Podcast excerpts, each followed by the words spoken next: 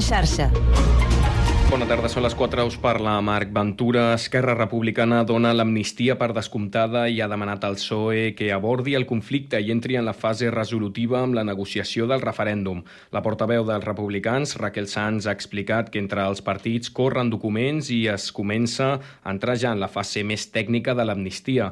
De la seva banda, avui els comuns han avisat a Junts i Esquerra que una amnistia requereix temps. El portaveu d'aquesta formació, Joan Mena, recorda que es troben davant d'una negociació complexa i que tothom ha de posar molta voluntat perquè tiri endavant. Hem de posar tots la voluntat de que tiri endavant. El que sí que veiem que aquesta voluntat de, de judicialitzar la política està present i per tant estic convençut que al final trobarem la millor fórmula perquè això sigui possible, no? Però això és evident que requereix i que necessita d'un temps per poder fer madurar les coses i estem en aquest moment. Mena ha defensat que la posició dels comuns és clara sobre la desjudicialització del conflicte i ha instat al Partit Socialista en posar-se a treballar per tancar un acord d'investidura. Avui és dilluns i a més estem a la recta final de les festes de la Mercè, així que hi ha una gran previsió de moviment de vehicles durant el dia d'avui. Per tant, anem a connectar amb el Servei Català de Trànsit per conèixer l'última hora de l'estat de les carreteres catalanes. Mireia Camats, bona tarda. Hola, bona tarda. Hores ara hem de destacar algunes incidències que dificulten la circulació a l'autopista AP7 i a 4 km i mig de retenció de la Roca a Granollers en sentit Tarragona i l'antitud a Montornès del Vallès en sentit Girona. l'AB30 lateral de l'AP7 hi ha un quilòmetre i mig de retenció a Barberà del Vallès en sentit Tarragona. A la C25 a l'eix transversal hi ha un carril tallat arbúcies en sentit Girona per un camió avariat i això provoca un quilòmetre de retenció. A la C31 dos quilòmetres de cua alta en tots dos sentits per obres. A la C31 35 hi ha 2 km de retenció de Cardedeu a Granollers en sentit sud. A la Nacional 2 hi ha 2 km de Quatordera en sentit Barcelona i la TV baixa 3454 està tallada a l'Aldea en tots dos sentits per un camí volcat. L'alternativa és la Nacional 340. És tot des del Servei Català de Trànsit. Bona tarda. Gràcies, Mireia. Seguirem pendents de l'estat de les carreteres. Mentrestant, més notícies. El Consell de Ministres declara zona catastròfica als municipis catalans afectats pels aiguats del passat 3 de setembre. Les poblacions que van patir més les conseqüències de la dana van ser Santa Bàrbara i Alcanar, al Montsià, provocant inundacions i barracades. Dani Camacho, Canal T. El pas de la Dana per les Terres de l'Ebre el passat 3 de setembre va provocar destrosses en diversos municipis. Ara el govern central ha aprovat declarar-los com a zona afectada greument per emergències de protecció civil.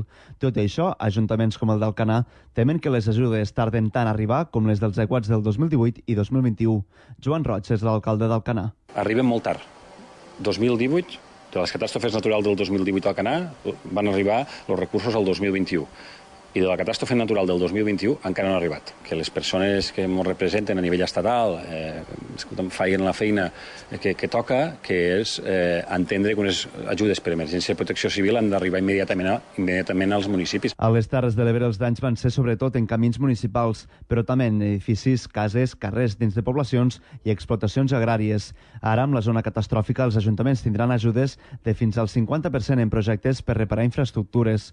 Els Mossos d'Esquadra han detingut el conductor d'una furgoneta per atropellar un ciclista aquest dilluns al matí a Anglès, a la Selva. Els serveis d'emergències han rebut l'avís poc després de la 8 del matí i el sinistre ha tingut lloc al punt quilomètric 100 de la coneguda com a carretera de la Vergonya.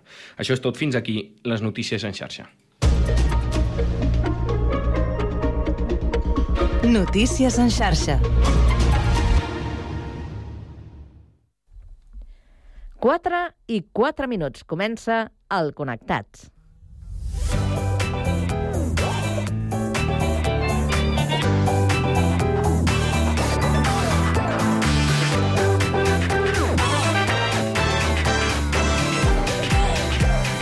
Connectats amb Carme Reversa.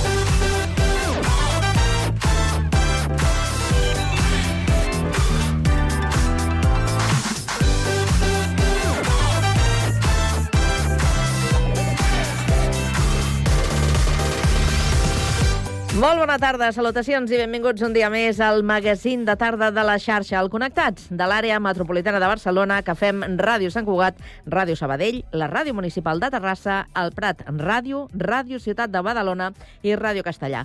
Una salutació un dia més de tot l'equip conduït a la part tècnica per Oriol Coromina, Jessica Rius a la producció i de qui us parla, Carme Reverte. Avui és dilluns 25 de setembre i volem saber quin temps ens espera aquesta tarda. Lluís Mi Pérez, Bon dia, estem tenint un dilluns força tranquil, ben serè i, de fet, el que queda de jornada continuarà de la mateixa forma. Per tant, algunes viles importants de Catalunya que estan de festa major encara i que podran fer les seves activitats a l'aire lliure sense cap mena d'entrebanc. Pocs núvols al llarg d'aquesta tarda, alguns cap a l'Alt Pirineu, algun de baix que apareixerà al voltant de les muntanyes de Tarragona, molt poc destacables, i una temperatura que s'està enfilant més que dies enrere. De fet, al llarg de les immediates hores arribarem a fregar els 30 graus de màxima, per exemple, cap a la banda del Pla de Lleida, tot plegat també molt feble, per tant, un estat de la mar també molt plàcid. El dimarts, la mateixa situació.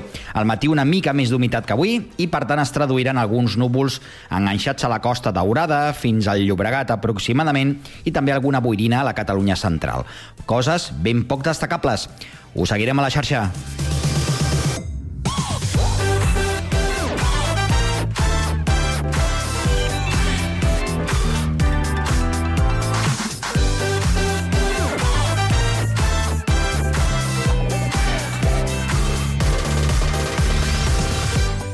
Doncs avui al Connectats parlarem de la possible arribada del fentanil a Catalunya. Ens ho preguntarem, però a més li preguntarem directament a la Mireia Ventura, que és doctora en farmàcia de la Delegació de Catalunya d'Energy Control. Acabarem la primera hora amb la tertúlia esportiva per repassar el cap de setmana. A partir de les 5 coneixerem el sabadellenc Jordi Cubino, compositor, productor i director musical del programa Eufòria. Continuarem amb ciència, també des de Sabadell, per parlar d'una nova espècie de dinosaure que gairebé va veure caure el meteorit. Acabarem amb cultura i el monòleg Bona gent de Quim Masferrer, que avui actua a Sant Cugat. Tot això i més, des d'ara i fins a les 6 de la tarda, a la vostra emissora local. Connectats? Comencem.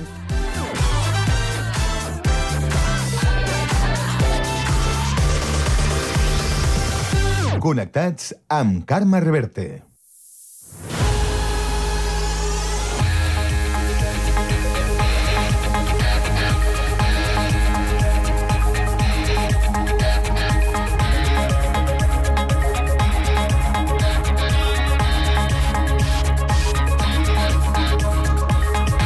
I a les 4 i 7 minuts de la tarda refre refresquem l'actualitat. Ho fem amb aquesta ronda informativa que obrim novament des de Terrassa. Sergi Estapé, bona tarda. Bona tarda, el terrassenc Jordi Grau ha estat l'autor de dos dels gegants que la ciutat ucraïnesa de Kiev ha regalat a Barcelona. És una mostra d'agraïment amb la ciutat condal per la seva solidaritat des de l'esclat de la guerra. De fet, Kiev és la ciutat convidada a la Festa Major barcelonina d'aquest any i és la primera vegada que una ciutat en guerra ho és. Les dues figures es van estrenar divendres al matí en el marc de les festes de la Mercè. Es diuen Olga i Volodymyr i representen dos personatges històrics ucraïnesos del X. Grau, nascut a Terrassa l'any 1961, és escultor de figura festiva i imatgeria popular des de l'any 1981. Desenvolupa la seva activitat com a professional de la creació, reparació i restauració de tot tipus de figures i elements festius al taller del Drac Petit de Terrassa, del qual n'és fundador i propietari. Grau va ser el creador del Drac de Terrassa i també s'encarrega de donar forma al Cap Gros de l'any, que es descobreix a l'inici de la Festa Major de Terrassa. Gràcies, Sergi. Seguim al Vallès. Anem a la Q Capital, a Sabadell. Pau Duran, bona tarda. Bona tarda. La recepció de l'alcaldessa de Sabadell i els grups municipals dona el tret de sortida a una setmana amb una trentena d'actes dedicats als majors de la ciutat, la Festa Gran. El Saló de Plens de l'Ajuntament ha acollit la rebuda institucional a les entitats de gent gran, residències i col·laboradors de la festa. L'alcaldessa Marta Ferrés ha recordat que és una bona ocasió per parlar justament de la gent gran. Més enllà de les activitats no, que, les, que les tenim, um, un dels elements principals és que durant aquesta setmana parlem de vosaltres, parlem de la gent gran i per tant posem la gent gran en el centre de l'acció política, però també en el centre del dia a dia de la ciutat. No? Per tant, una setmana eh, que s'omple d'activitats doncs, per la gent gran, on, on s'us veu molt aquests dies, eh, perquè estareu a, a molts llocs, i per tant jo crec que és el moment de fer pedagogia i de, i de parlar de gent gran. Les reflexions sobre les cures que fan i l'experiència que aporten o les lliçons de vida que poden donar marquen el fil conductor d'aquesta 22a edició, que serà la memòria. També és un bon moment per recordar totes les ajudes que tenen a disposició els majors del municipi. La Festa Gran tindrà un acte central el dijous al Teatre Principal, on es farà una nit de musicals. Gràcies, Pau. Arribem ara fins a Badalona. Andrea Romera, bona tarda. Bona tarda, Carme. El govern de García Albiol aprovarà el mes d'octubre un protocol d'actuació per a la Guàrdia Urbana davant els casos d'ocupació il·legal. El protocol donarà seguretat jurídica als agents que, per al popular, es troben desprotegits davant els ocupes. És una de les novetats en temes de seguretat que ha anunciat l'alcalde durant el balanç dels primers 100 dies de govern. García Albiol ha centrat la valoració dels primers 100 dies del seu govern en la millora de la seguretat i, en concret, en la lluita contra les ocupacions. En aquest sentit, ha anunciat que aprovarà un protocol que recollirà les diferents normatives existents al respecte arreu de l'Estat. Un document que servirà perquè els agents sàpiguen què poden fer i què no. Escoltem Xavier García Albiol. Els agents no es troben protegits a l'hora de dur a terme les seves, les seves accions com a policia davant d'una ocupació i en cas de dubte el que acaben fent és permetent que es consolidi l'ocupació eh, quan en la majoria dels casos amb una bona formació, amb una bona protecció jurídica, doncs aquestes ocupacions es podrien aixecar. Segons ha explicat l'alcalde, el pressupost de 2024 permetrà la posada en marxa de l'anunciada en campanya Regidoria Antiocupacions. Gràcies, Andrea. Seguim al litoral, ara una mica més al sud, al Prat de Llobregat. Lluís Rodríguez, bona tarda. Bona tarda. Ja es comença a preparar la propera edició del Quinto Tapa Pota Blava del Prat, que es durà a terme entre l'11 i el 29 d'octubre. La ruta gastronòmica que organitza l'Associació de Gastronomia i Turisme del Baix Llobregat, l'AGT i l'Ajuntament comptarà amb 24 bars i restaurants. Les propostes tindran un preu de 4 euros la tapa de Pota Blava i 3 euros i mig la de la casa, en tots els casos amb un quinto de magna. Enguany, Rosa Maria Cano i Miguel Olivares, responsables del ja desaparegut restaurant La Castellana del Prat, seran els padrins. Entre les les novetats que es presenten en guany hi ha una ruta en bicicleta i una altra de còctels. Gràcies, Lluís. I ara ens aturem eh, novament al Vallès Occidental, a Castellà. Guillem Plans, bona tarda. Bona tarda. Aquesta setmana l'Ajuntament ha fet un pas endavant en la memòria històrica i patrimonial reubicant un monòlit de pedra al recinte d'entrada de l'Espai Tolrà. En concret, és un bloc de granit de grans dimensions que els treballadors de Can Tolrà van erigir l'any 1932 a l'entrada de la fàbrica de Can Barba, amb una dedicatòria per a l'empresari Emili Carles Tolrà. En època de la Segona República, Emili Carles Tolrà va decidir cedir terrenys i va portar diners per construir construir les primeres escoles públiques i laiques de Castellà del Vallès. Gràcies, Guillem. Tancarem amb la crònica de Sant Cugat que ens porta Jessica Rius. Bona tarda. Bona tarda, Carme. El 25 de setembre de 1993 s'aixecava el teló per primera vegada del Teatre Auditori de Sant Cugat. Aquella tarda, més de 200 persones es van citar a l'escenari principal del recinte per estrenar un equipament que, 30 anys després, s'ha convertit en una icona històrica de la ciutat. Aquest dilluns al Teatre Auditori fa anys i per celebrar-ho, Cugat Media ha organitzat una tertúlia especial amb personalitats històriques del passat, present i futur del que és, des de fa dècades, un dels epicentres culturals de Sant Cugat, amb una història que ja és als llibres, però també amb molts reptes de futur per potenciar, sobretot, el talent emergent local. L'equipament cultural Sant Cugatenc fa anys aquest dilluns i, per consegüent, també fa anys un poble que va esdevenir ciutat, tot posant una escena, un complex cultural que ha estat seu de festivals, certàmens i representacions teatrals. Dos mesos més després de la presentació del Teatre Auditori, es va celebrar la inauguració oficial amb l'assistència del llavors president de la Generalitat, Jordi Pujol, i l'actuació de la soprano Victòria de Los Ángeles i Albert Guinovart. La tertúlia també ha servit per valorar els reptes de futur de l'espai cultural. A paraules del director artístic de l'Orquestra Simfònica de Sant Cugat, Josep Ferrer, l'objectiu principal ha de ser eh, fer el trampolí del talent que generen les entitats locals. Quin és el culte? El que produeix o el que compra? Llavors, aquí és un altre debat que, que jo penso que el el, el culte és el que, és el que produeix. El culte és el que, el que diu "Mm, aquí tenim la capacitat de fer aquest producte de primer nivell. La celebració del 30 aniversari va començar a principis de juliol amb la presentació d'una temporada especial que oferirà 39 espectacles i 41 funcions del 16 de setembre al 28 de gener del 2024. Una programació amb entrades gratuïdes, o de baix cost que torna a apostar per la combinació de gèneres per arribar a més públics i que també contempla els concerts del Festival Petits Camaleons. Així, els santcugatens podran gaudir durant aquesta setmana especial d'11 espectacles de teatre, 4 de música amplificada, 5 concerts de música clàssica, dues òperes, 4 espectacles de dansa, 3 de poesia, 3 d'humor, un circ i 5 familiars. L'espectacle Bona gent de Quim Masferrer posarà punt final aquesta tarda a 5 dies de la celebració del, del 20 al 25 de setembre. Uns dies de festa que han inclòs obres de teatre com Júnior, de Joel Joan i Héctor Claramunt, amb Joan Pera com a protagonista, concerts com el de Pau Vallvé, acrobàcies, titelles i altres sorpreses.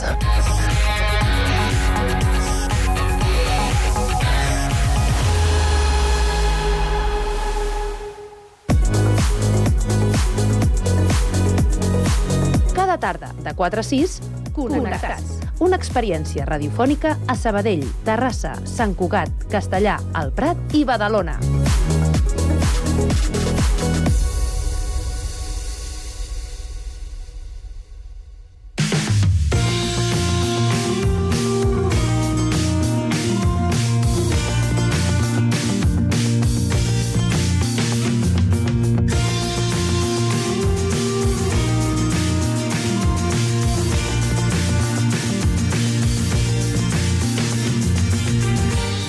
La crisi del fentanil als Estats Units ha despertat certa preocupació arreu del món.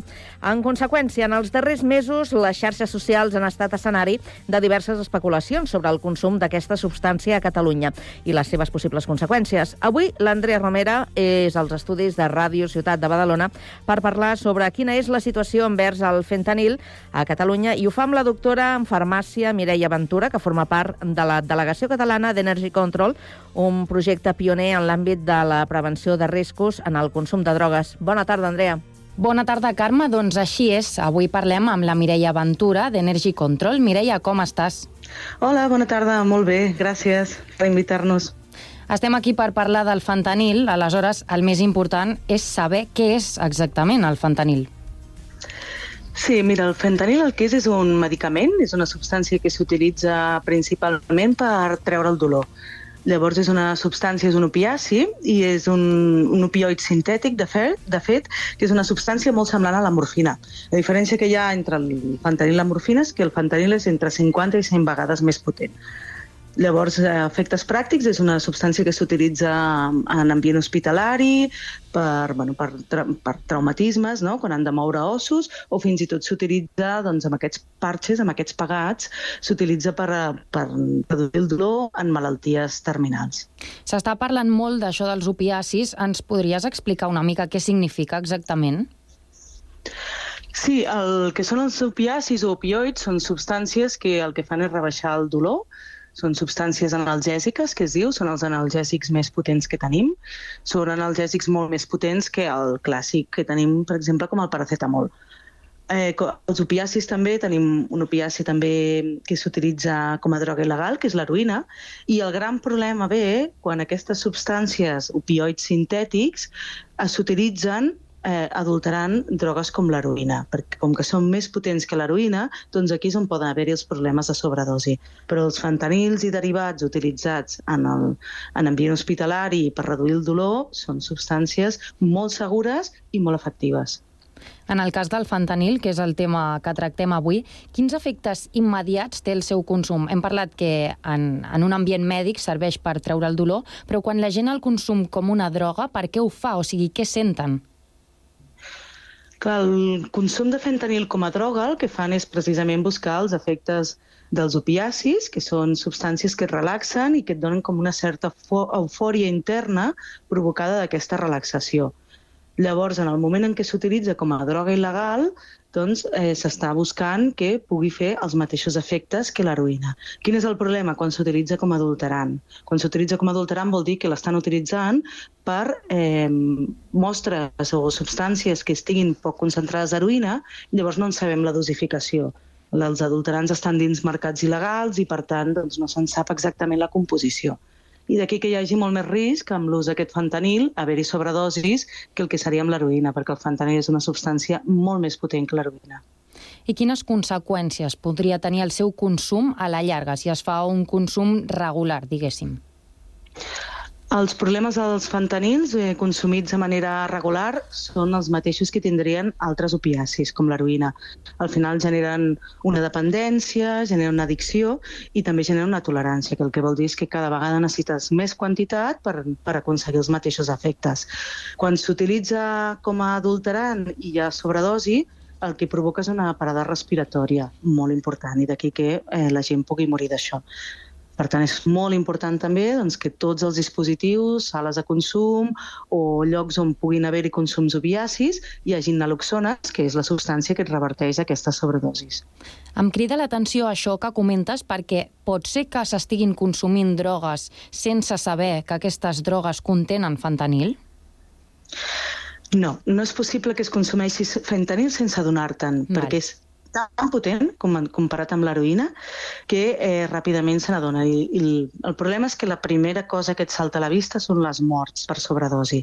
Llavors, aquí estem, jo el que estic portant és un servei d'anàlisi de substàncies, estem monitoritzant, és a dir, estem analitzant un munt de substàncies per assegurar-nos que no hi ha fentanil i fins al dia d'avui no hem trobat que s'utilitzi aquesta substància com a adulterants, a diferència del que s'està trobant a Estats Units i a Canadà. Però el context d'aquests països és molt diferent al context que tenim tenim aquí. Per tant, nosaltres creiem que si entrés el fentanil eh, com a als nostres països, doncs seríem molt més capaços de poder-lo erradicar a temps. Aquest és el tema del qual volem parlar, que és potser el que més preocupa no, a la societat. Quina és la situació actual a Catalunya pel que fa al fentanil? Potser tenim una alarma social condicionada pel cas que comentaves d'Estats Units i Canadà, però què està passant aquí, no? Realment eh, som una exagerats o realment hi ha un problema? La nostra realitat, el que nosaltres estem veient, eh, creuant totes les dades, tant d'urgències, sobredosis, serveis d'anàlisi, sales de consum, és que el fentanil aquí no s'està utilitzant com adulterant. Llavors, aquesta és la realitat que tenim ara, però és veritat que tot el que veiem d'altres països ens està influenciant moltíssim. Llavors, en aquest sentit, també hem d'entendre que aquí tenim tota una xarxa de reducció de danys, tota una xarxa de serveis, de consum, on poden anar-hi les persones que consumeixen o les persones que estan allà estan entrenades per poder revertir aquestes sobredosis. Vull dir que el context és totalment diferent als altres països on estan passant totes aquestes morts. Llavors, nosaltres el que tenim convenciment és que si detectéssim aquest fentanil, podríem alertar-ho a tots els serveis i no hi haurien les mateixes morts que estan passant als Estats Units. O sigui, la conclusió és una mica que mm, no s'està detectant encara i que s'està construint una imatge una mica distorsionada, no? Potser per aquest condicionament que tenim del que veiem a xarxes socials. Totalment. De fet, aquesta és la nostra reivindicació. El mes d'agost vam estar traient una nota de premsa perquè s'ha d'anar amb compte, perquè al final l'imaginari col·lectiu al final acaba, pot acabar fent molt de mal. Llavors, la realitat que nosaltres tenim en aquests moments és que no hi ha fentanil les mostres que estem, a, a, que estem detectant i que tenim tota una xarxa sociosanitària de reducció de danys i uns sistemes d'alerta temprana que en el moment en què nosaltres poguéssim detectar alguna semblant podríem informar a tots els centres Redan, no? que són les, les sales de consum, i a tots els hospitals i a tot arreu on fos, on fos necessari. Des d'Energy Control llanceu unes dades i una d'elles diu que el 2% de la població espanyola entre 15 i 65 anys hauria consumit fentanil alguna vegada a la vida. Entenc també comptant aquelles persones que ho han consumit amb prescripció mèdica, oi? Sí, principalment la prescripció aquí és mèdica, i l'ús no és un ús abusiu derivat de que s'utilitzi el fentanil de forma il·legal. Pensa també que el problema que tenen als Estats Units i a Canadà és que la síntesi del fentanil és a, a Mèxic i, per tant, tenen l'accessibilitat del fentanil molt, molt a prop. Això també ens diu que no és una cosa nova, perquè la dada diu ho hauria consumit alguna vegada a la vida, per tant, és una substància que ha conviscut amb nosaltres sempre, no? Sí. El fentanil com a fàrmac s'ha utilitzat durant molts anys i es segueix utilitzant i bueno, al final l'ús del fentanil com a fàrmac és molt important que segueixi, segueixi utilitzant-se perquè al final són fàrmacs eh, analgèsics molt potents i són molt interessants també en el moment en què tu necessites poder reduir una, una, un pic de dolor quan es ven com a fàrmac o s'administra com a fàrmac, es fa amb el nom de fentanil? O sigui, nosaltres en som conscients que estem prenent fentanil o té un altre nom?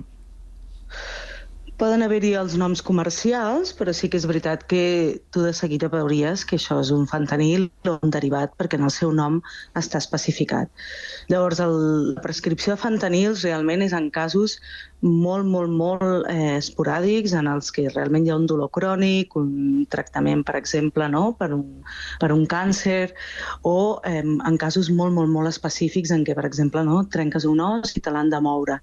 Però normalment és un, sempre d'ambient hospitalari i si hi ha una prescripció de, que es tregui de l'hospital és perquè ja són malalts crònics. Per tant, no és, un, no és una substància que tu puguis comprar fàcilment a la farmàcia. Necessites unes, un, com si diguéssim, unes autoritzacions i unes receptes específiques. Per tant, no és una substància que accidentalment la puguem comprar i no ens n'adonem. Això ens, segurament ens deixa més tranquils. Anem, anem amb més dades d'Energy de, Control. Un altre és que l'1,5% de la població espanyola, també entre 15 i 65 anys, reconeix haver consumit sense prescripció mèdica analgèsics opioides entenem no només fentanil, sinó el fentanil està en la família d'aquests opioides, com comentaven abans, i aquest consum, en aquest cas, sí que és com a droga.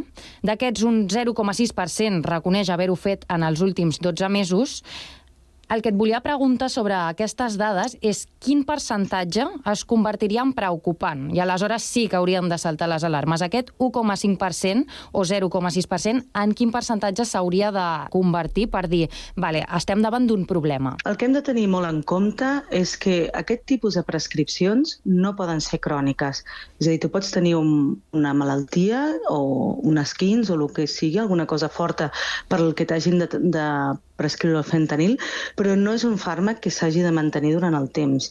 Llavors, a mi em preocuparia eh, una miqueta el que ha passat als Estats Units, no? que al final han acabat allargant molt aquestes prescripcions i la gent s'hi ha tornat addicta.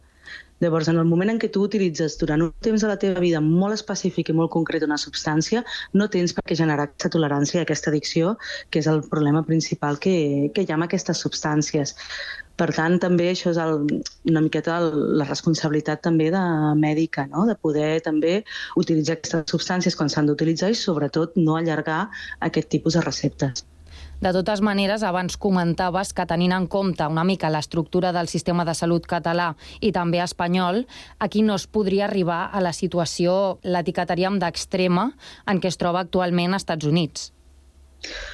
Sí, la situació que tenen actualment als Estats Units és el, com si haguéssim el resultat de moltes males pràctiques aquí que tinguem un sistema sanitari públic també ens protegeix en determinada manera de totes aquestes situacions. I també el, el gran problema que hi ha als Estats Units és que hi ha molt més estigma que aquí amb el tema de consum de drogues.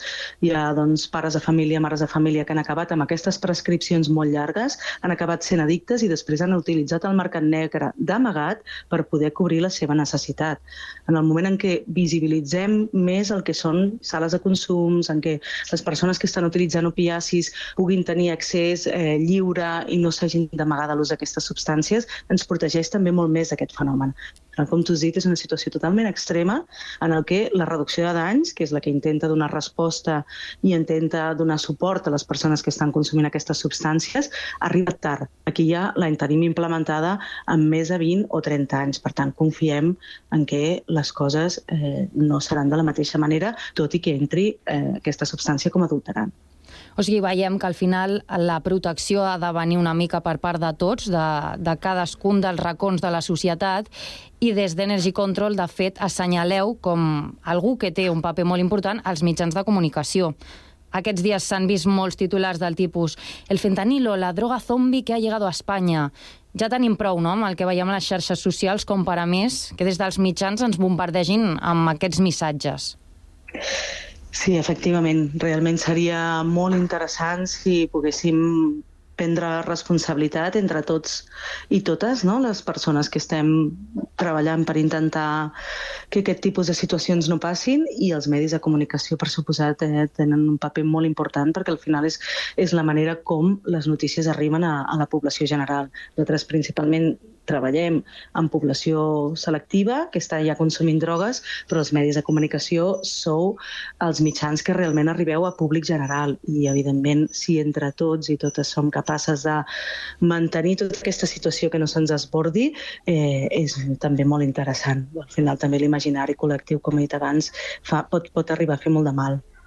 També una tasca molt important que feu, per si algú vol cotillejar la web d'Energy Control, és el fet de desmentir bulos, com per exemple un que ha sortit també és que es pot sofrir una sobredosi de fentanil només amb el contacte de la substància amb la pell. Ens pots explicar una mica que, on està la mentida d'això? Què seria la veritat? A veure, el que passa amb aquestes substàncies és veritat que poden ser molt potents, però han de ser absorbides. Llavors, perquè siguin absorbides, o les has d'ingerir, o les has d'injectar o amb parxes, per exemple, transèrmics, també les pots absorbir però directament inhalar amb, amb els residus d'una pols que pugui... Això és, torna a ser una miqueta doncs, tot aquest imaginari, tot aquest sensacionalisme. Entenem que eh, aquest tipus de coses no és ni molt menys habitual que passin i no estem parlant de substàncies que es puguin només, eh, que puguis tenir una sobredosi només veient la substància o només inhalant la pols que no es pot ni veure. Doncs Mireia, moltes gràcies per explicar-nos una mica millor quina és la situació eh, que tenim a Catalunya i a Espanya en relació al fentanil. També per relaxar-nos una mica no, davant de tot aquest bombardeig d'informació que tenim als mitjans de comunicació, a les xarxes socials, els titulars que, que llegim, els vídeos que veiem. Així que ha estat un plaer parlar amb tu. Moltes gràcies a vosaltres per poder també visibilitzar tota aquesta situació i tota aquesta realitat tal qual com és. Bona tarda, Mireia.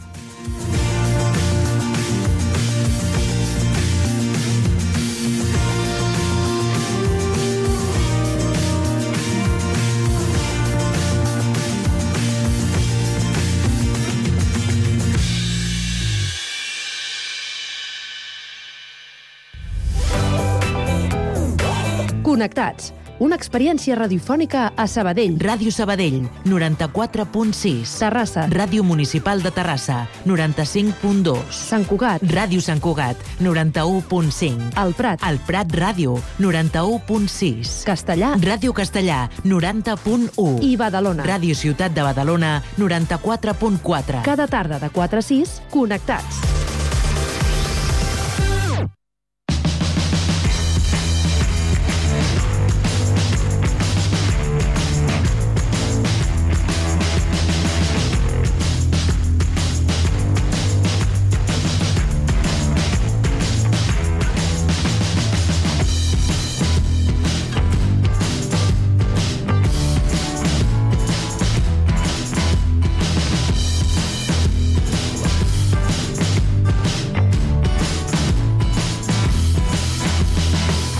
Passen dos minuts i mig de dos quarts de cinc de la tarda i ara és el temps de tertúlia. Temps per a l'opinió en el Connectats dels dilluns, que, com sempre, dediquem al món de l'esport i al repàs del cap de setmana.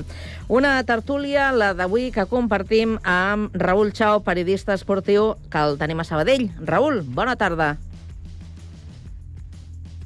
Raül, bona tarda. No? Doncs el tornarem a saludar d'aquí uns instants. Eduard Pomares, soci del Barça Enginyer Industrial, bona tarda. Hola, molt bona tarda. Què tal? Molt bé. Sí? Aquí contents per la jornada d'ahir. Me faltaria, faltaria menys, faltaria menys. I a Terrassa, que de moment no tenim el Carles Silvestre, que és el nostre atleta de capçalera, i per tant incorporarem a la tertúlia una altra aficionada al món de l'esport. Es tracta de la nostra productora, Jessica Rius. Jessica, bona tarda. Bona tarda. Productora, culer, eh, aficionada al món de, de l'esport en general. Sí. Sí? Sí, sí, sobretot futbol i hoquei. Futbol i hoquei. Patins. Sí. Hoquei patins.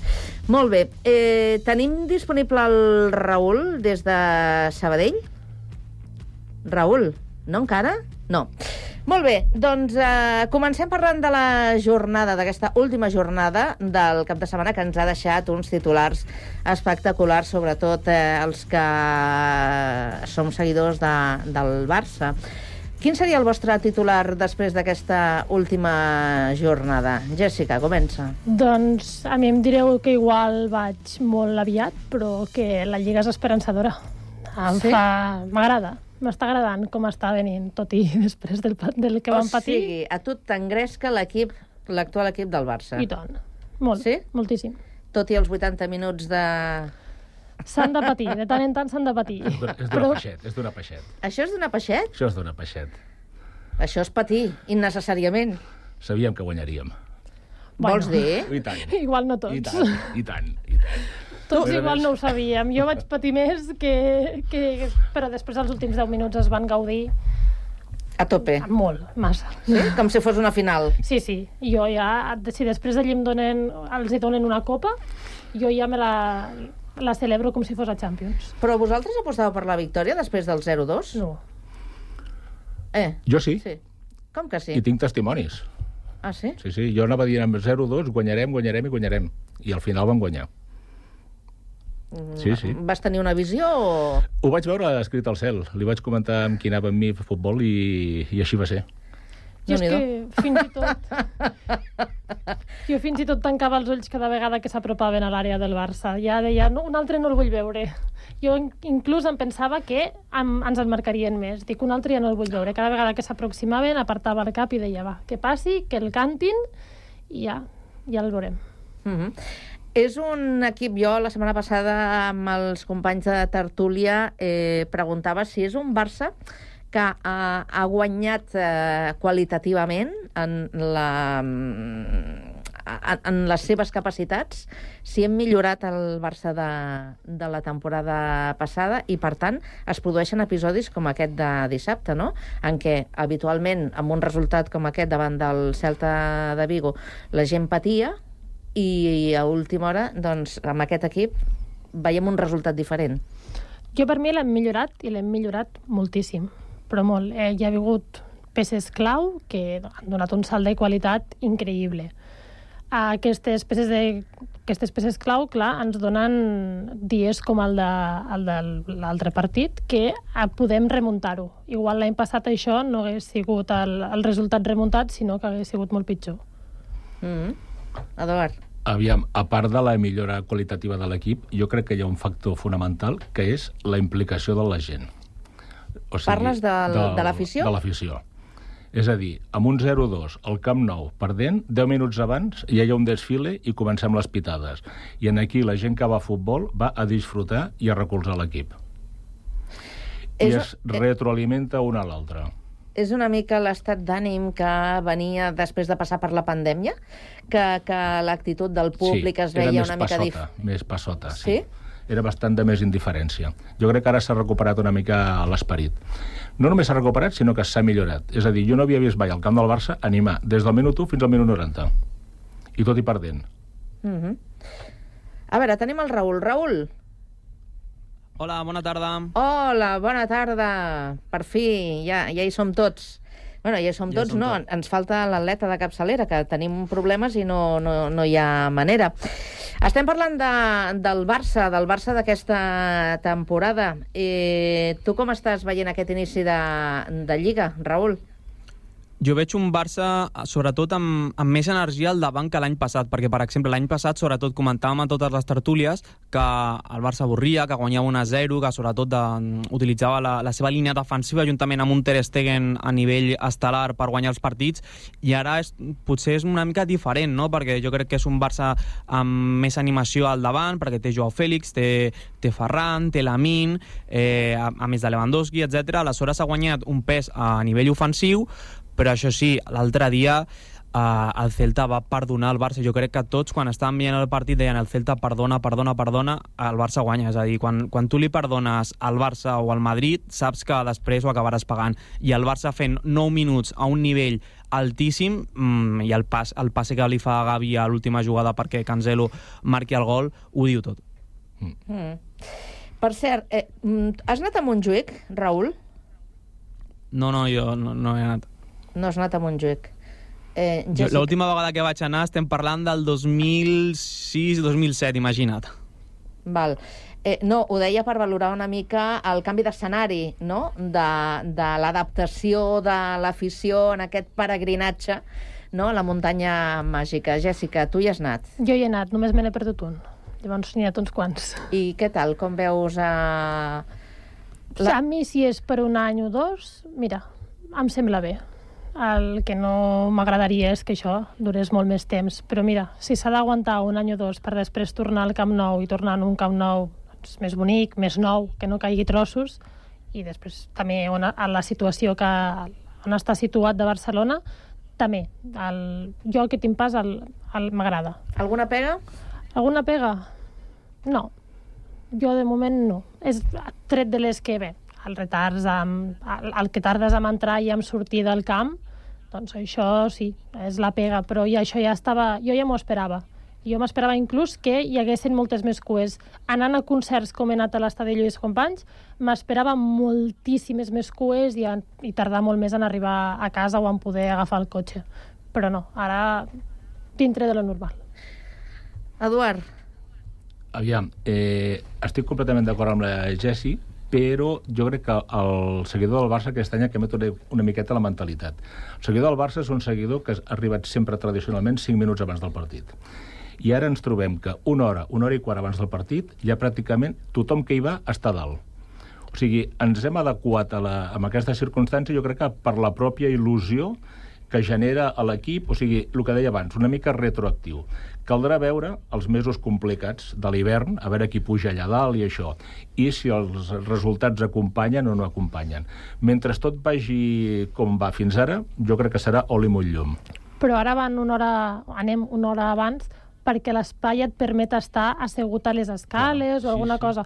Abans, anaves 5 minuts abans perquè o t'asseies en sí. un bar si trobaves lloc o, o entraves directament al camp mm. i no tenies l'espai. Ara, com l'espai és molt més gran... És, és molt més doncs... ampli, és més, és més agraït, encara fa bon temps. Sí. Eh, no oblidem per això que anar al camp del Barça des d'aquí a Sant Cugat ens suposa entre anar-hi fins que torna són 6 hores, eh? 6 hores de rellotge. Ara, amb la Ara nova mateix. ubicació. Amb la nova ubicació, eh? Mm -hmm. Eh, estem parlant d'una jornada que ens ha deixat una classificació històrica, no? La, aquesta classificació de, de primera encapçalada eh, per un doble empat per dos equips catalans, el Barça i el Girona. Un Girona que està fent una arrencada espectacular, que s'està fent un coixí interessant per si després eh, toca patir una, una mica. Com esteu veient aquest inici de Lliga del Girona, Raül? Del Girona, és a dir, jo crec que només podem parlar meravelles. Primer de tot, el, el Girona al mercat d'estiu de, perd la seva columna vertebral, és a dir, perd Santi Bueno, que se'n va a la Premier, perd, perd Oriol Romeu, que se'n va al Barça, i perd el Tati Castellanos, que se'n va a la Lazio. Amb això va co-líder amb el, contra el Barça. Uh, sent l'equip que més gols uh, marca, sent l'equip que millor juga de primera divisió i un dels millors equips d'Europa, de, Savinho, és la revelació, sens dubte, del campionat. Un jugador que me'n recordo que a la seva presentació va dir m'agrada jugar només per la dreta, juga per l'esquerra i és el millor. Uh, tenim Ivan Martín, uh, Sigankov, que és un, un jugador que jo crec que l'any que ve el veurem jugant a Champions, a més de Dovic, d'Alice Garcia etc etc. És a dir, el Girona per mi és xapó i no, jo crec que és, és una revelació i jo crec que és un equip consolidat ja i, i compta amb ell perquè jo crec que podem aspirar a coses grans a, a, per terres gironines. Deixa'm que digui que també hi ha un Sant Cugatenc que es diu David López que marca gols i tot, eh? Imagina. Ben fet, sí, ben dit.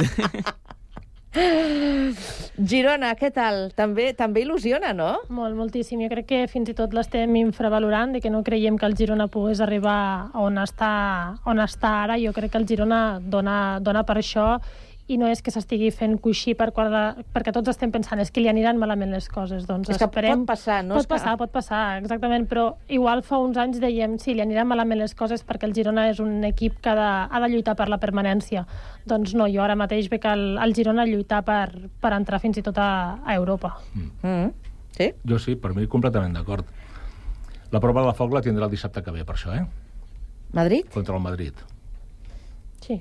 Un Madrid, un Madrid, un Madrid que Tocat, tocat. Ahir, ahir va sortir trasquilat de, del Metropolitano.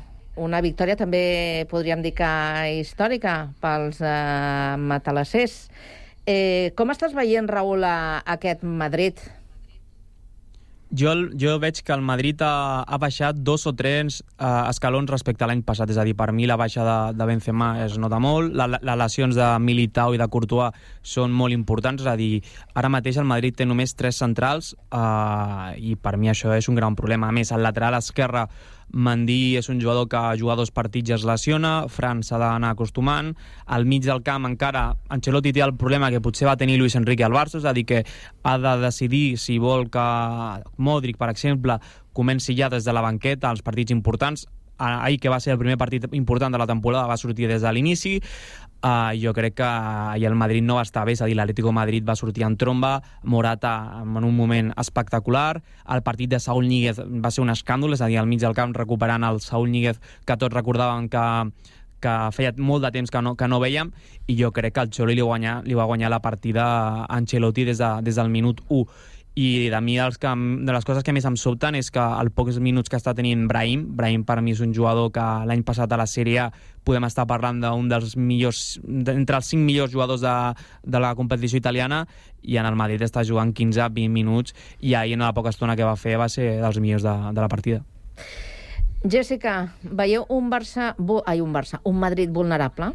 Molt. Jo crec que ara mateix el Madrid és el que era el Barça fa uns anys, de que veies que doncs, hi havia jugadors, però semblava que no collaven entre ells, que no, que no, algo no funcionava, que li faltava com aquesta roda per acabar de, de funcionar-ho tot. Una regeneració tot. per fer un equip. Sí, exactament. Jo crec que li falta una, repensar una mica el Madrid per tornar a ser doncs, un, un dels grans d'Europa. De, jo ara crec que ara mateix el Madrid doncs, té, està baixant aquests esgraons, ha baixat aquests esgraons, no dos o tres, sinó quatre o cinc i tot, diria jo, i, i s'ha de repensar molt bé Ancelotti què fer amb, amb l'equip perquè no està donant amb la tecla i té pinta de que tardarà uns quan, unes quantes jornades en tornar-hi a donar. Jo, sí, més que Ancelotti, jo crec que és el bueno, propi president a més a més, qui ha de pensar quin Madrid de, de futur vol, perquè Ancelotti em sembla que ja té, té contracte, té no? comptats eh, amb una selecció. Aquí, amb la selecció brasilera, sí? pel, pel que diuen.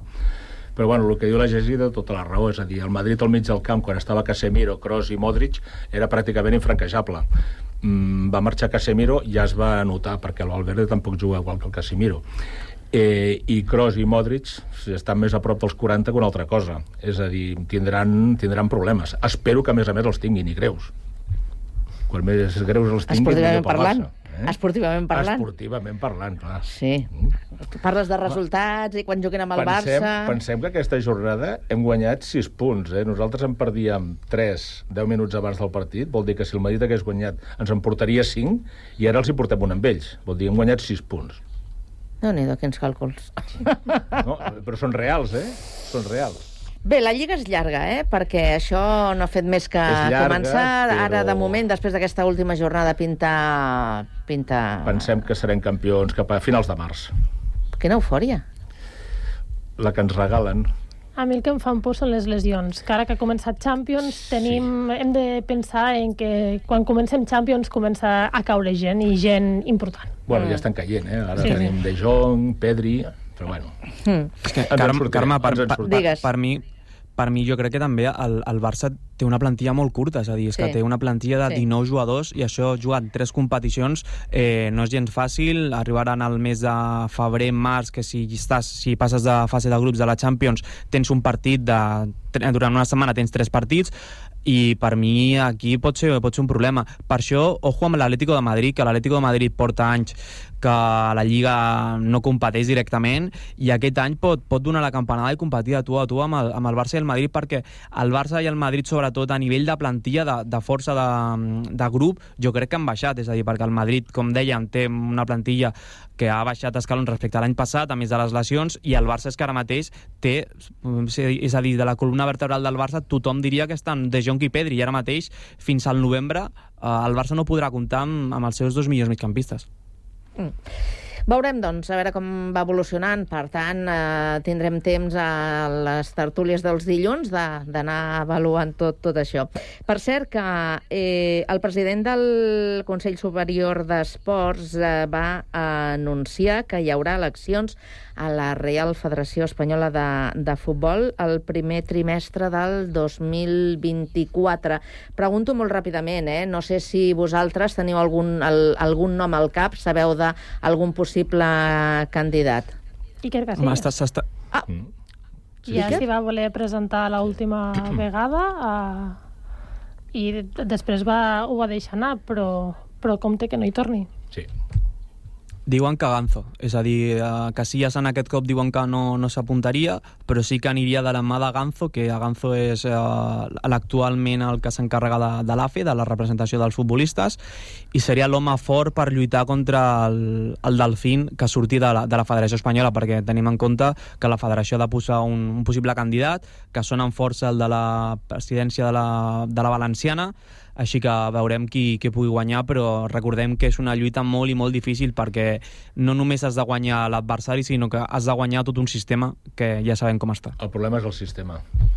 Perquè per molts canvis que hi hagin, per molts canvis que hi hagin, jo crec que és un, és un mal endèmic, és, mm, eh, és estructural, vaja. Molt, molt han de canviar les coses perquè realment hi hagin els canvis que es mereix el futbol. És el que estan denunciant les jugadores? Sí, sí, sí. Bueno, aquesta ha sigut la punta de l'iceberg, vull dir, jo crec que això eh, ja fa anys que, que es veu i aquesta ha sigut la punta de llança, no? Que a, I- mi, a mi ja em sembla bé, eh? I per, I per què, la pregunta és, per què no s'ha atrevit mai ningú a denunciar-ho? Ni clubs, ni altres... Perquè de Per- moment tot està bé? Perquè moltes vegades els clubs van de la mà de la federació perquè tenen por, tenen por i perquè puguin haver sancions, que puguin haver-hi altres, altres problemes. És a dir, jo crec que amb el que va passar després de, de Rubiales, uh, de l'escàndol de Rubiales, veiem que els clubs van trigar en, en, en pronunciar-se, alguns clubs van ser supertous amb la federació, així que jo crec que hem de tenir en compte això, que la federació... I és el mateix que si hagués passat amb la Lliga, eh? és a dir, si hagués passat amb la Lliga i la figura que hagués muntat tot això hagués estat uh, Javier Tebas, estaríem parlant d'absolutament el mateix. I això és un problema que té el futbol espanyol, que el, tant la Federació Espanyola com la Lliga uf, tenen un poder que jo crec que va sobre, sobre home. Per què van anar les jugadores convocades quan no, no hi volien anar per por a les repercussions? Doncs els, amb els clubs i amb tot està passant el mateix. Sempre tens la, la por a la repercussió de que, de que et pugui donar tu, llavors de, doncs, vaig amb, amb ell perquè igual si no ho por faig... al, al, a, a, a, al, al poder que exerceix sobre... Bueno, de fet, les van amenaçar i tot, no? Que si no hi anaven... Sí, sí. Eh, Fitxa federativa dos durant anys, dos, dos a anys cinc, dos a cinc anys. Sí. No Ah, podrien jugar ni, ni, amb els clubs, ni Champions, etc. I aleshores les jugadores van anar-hi per això, perquè és a dir, era una amenaça, era un, un escac i mag, no? I les jugadores van anar, i per sort, amb la intermediació del, del CSD, que per mi van arribar super tard, és a dir, no pot ser que el CSD, després de quasi un mes de que van guanyar el Mundial, que no s'hagi posat al camí perquè és que era molt necessari la seva, la seva funció i la seva necessitat d'entrar dintre d'aquest conflicte. Mm -hmm.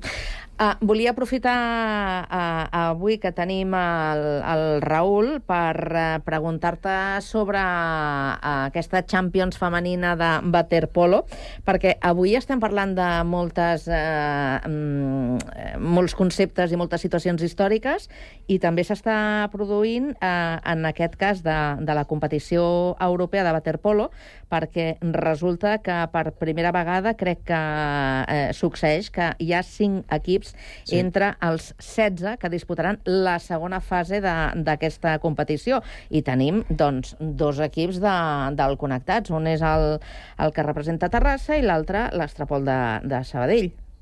No? Eh, anem a història rere any, és a dir, l'any passat vam viure un moment històric, que era la final entre el Sabadell i el Mataró, que va, va guanyar les, les noies de, de Mikioka, Mm. ai, perdó, de, bueno, les, les noies de, Les sabadellenques. Sabadell, Mhm. les sabadellenques, sí, i, a, i aquest any també són les principals que, favorites, juntament la, el Mataró. El Sant Andreu s'ha reforçat molt bé amb l'Helena Ruiz, que és una exjugadora del club i que, que en aquest eh, Mundial de, amb la selecció ha sigut la màxima golejadora eh, i ara més s'ha incorporat al Mediterrani i al Terrassa, és a dir, que tenim cinc equips catalans jugant a la màxima categoria de, del món. És a dir, és que és una cosa històrica i jo crec que és molt difícil de veure en un altre esport. I això parla molt bé dels clubs catalans i que, i que això vagi evolucionant i que fent que el, el waterpolo femení, en aquest cas, sigui una potència a nivell mundial. Una segona fase de la Champions que començarà a partir de l'octubre, que és d'aquí no res, perquè ja estem acabant el mes de setembre. I abans de marxar, no volia marxar sense parlar de bàsquet i de l'inici de, de la Lliga CB amb una primera jornada que ha deixat la primera victòria per al Barça en el derbi català davant el eh, Joventut, però sí que m'agradaria preguntar-vos com veieu aquest nou Barça comandat eh, per Roger Grimau. Eh, teníem moltes esperances dipositades en Jessica Vicius, eh, però al final... Eh, és un, un Barça nou, un Barça tou, mm, Tou? cal, cal esperar. Sí? Cal esperar. No sé si els reforços realment milloren els que hi havia l'any passat. Jo, per mi, de bon... nom sobre nom, crec que no. Jo, jo tinc molts dubtes, primer de tot perquè a mi Roger Grimau no em transmet eh, cap confiança, mm. després crec que no hi ha perfils defensius, és a dir, un perfil que l'any passat jugava poc, que és eh, de Silva, aquest any ha de ser transcendental i jugar 30 minuts per partit, perquè és a dir, ni, ni Billy Hernán Gómez ni, ni Besseli són cincs que defensin molt bé, aleshores la posició del 4 és molt necessària, l'altre 4 és Jabari Parker, que ve de, de, de la NBA, però és un jugador que a nivell defensiu pues, eh, diu que defensi un altre, i això pues, eh, no ajuda i ahir, per exemple, vam veure que un Barça que va fer molts punts, molts punts perquè va tenir una, un encert del triple de més del 50%, que això és una barbaritat, i pel contrari la penya tot el, tot el contrari, que va, li va fallar molt el, el, el tir exterior, però perquè el, el joc interior el van dominar molt. Tinc moltes ganes de veure la Provítola, que ha tingut un estiu sense, sense selecció, i aleshores el veurem a, a, a tope. I després, Carme, un apunt, que l'entrenador del Club Natació Sabadell Waterpolo femení és David Palma. Ara, ara, ara ens ha quedat clar. Sí, David Oca és seleccionador. Ai, el Miki Miki Oca, Oca. perdona. Sí, Miquel, que és el seleccionador, per Sí. això que Sí, sí, em, sí, com- sí. m'he confós Sí. i... Bueno. Sí, sí, ja està, rectificat. Jessica, vinga. Doncs jo crec que el, estic el mateix que amb, amb ell. Jo crec que el Roger Grimau no acabarà la temporada. Um, ja faran algun Pobre, canvi. quina poca confiança. Sí, transmet, És una realitat, és una realitat. poc. Potser no fa pinta de líder, no?, a la banqueta, o què és? No, no massa. Igual venim del, de l'anterior entrenador que igual era Que massa tenia molta líder, presència. Que tenia molta presència i estem molt acostumats, però bé, ara amb les seccions del Barça, com també s'ha hagut d'ajustar una mica el cinturó, crec que ho anirem veient amb totes que aniran baixant bastant al, al nivell i el bàsquet en serà una, una d'elles. La principal. Sí. Mm. Molt bé, doncs digues, digues molt ràpidament, que estem ja recte final. dir que, que aquest any els quatre equips catalans donaran a parlar, perquè és a dir, el, el Girona va guanyar el València, és a dir, el Sí. sí. Manresa té bona plantilla, així que molt bé. Doncs ens quedem amb això. Tanquem aquí la, la paradeta, s'acaba la tertúlia d'esports. Fins dilluns que ve. Qui vulgui repetir que torni dilluns. gràcies al, al Raül, gràcies a l'Eduard i, la, i la Jèssica. Que tingueu una molt bona setmana, que vagi bé. Adéu-siau. Adéu. Igualment, adeu, adeu.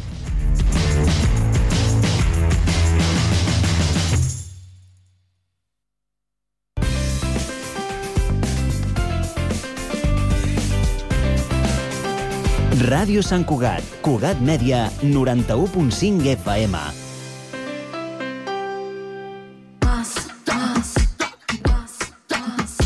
Pide por esa boquita, viajar, disfrutar de un verano mejor, vamos, grita, que lo que se da no se quita. Tot el que li demanes a l'estiu, demana-li al nostre assessor i aconsegueix fins a 500 euros en un cupó regal del Corte Inglés i molt més. Consulten les condicions.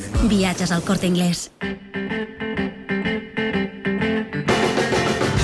A Sant Cugat, Braseria La Bolera, el restaurant braseria situat al vell mig de la ciutat. Més de 20 anys oferint la més alta qualitat en tots els seus productes, en amanides, carns, verdures, Braseria La Bolera, amplis menjadors per a celebracions familiars, batejos, comunions, casaments, Braseria La Bolera. Els que ja la coneixen sempre hi tornen.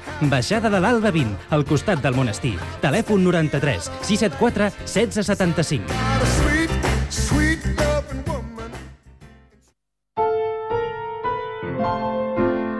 L'Associació Amants del Teatre i Ràdio Sant Cugat Cugat Mèdia t'apropen grans obres de la literatura a través de la oïda. Doncs aquesta té un cert tràfic... Vet aquí, ja volia dir jo. És una bogeria, una barbaritat. Et diré el meu nom a l'orella, escolta. Oh! La vídua es posa ràpidament al llit. Radioteatre amb obres de Jean Cocteau, Martí Boada, Robert Robert, Mercè Rodoreda, Pere Caldés o Anton Chekhov. Al 91.5 FM i a www.cugat.cat.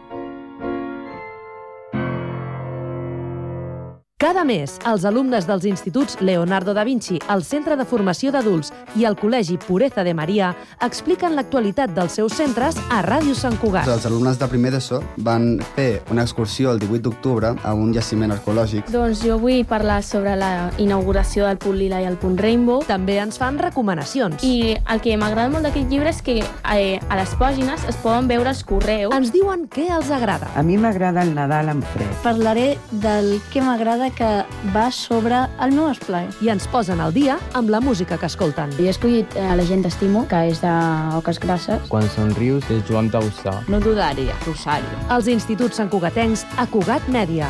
Els dijous a les 10 a Ràdio Sant Cugat i en podcast a cugat.cat i a Ull Crític.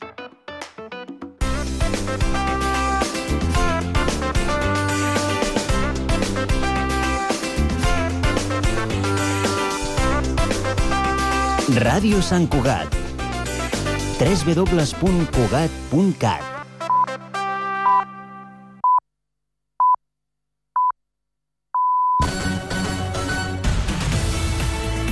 Ràdio Sant Cugat,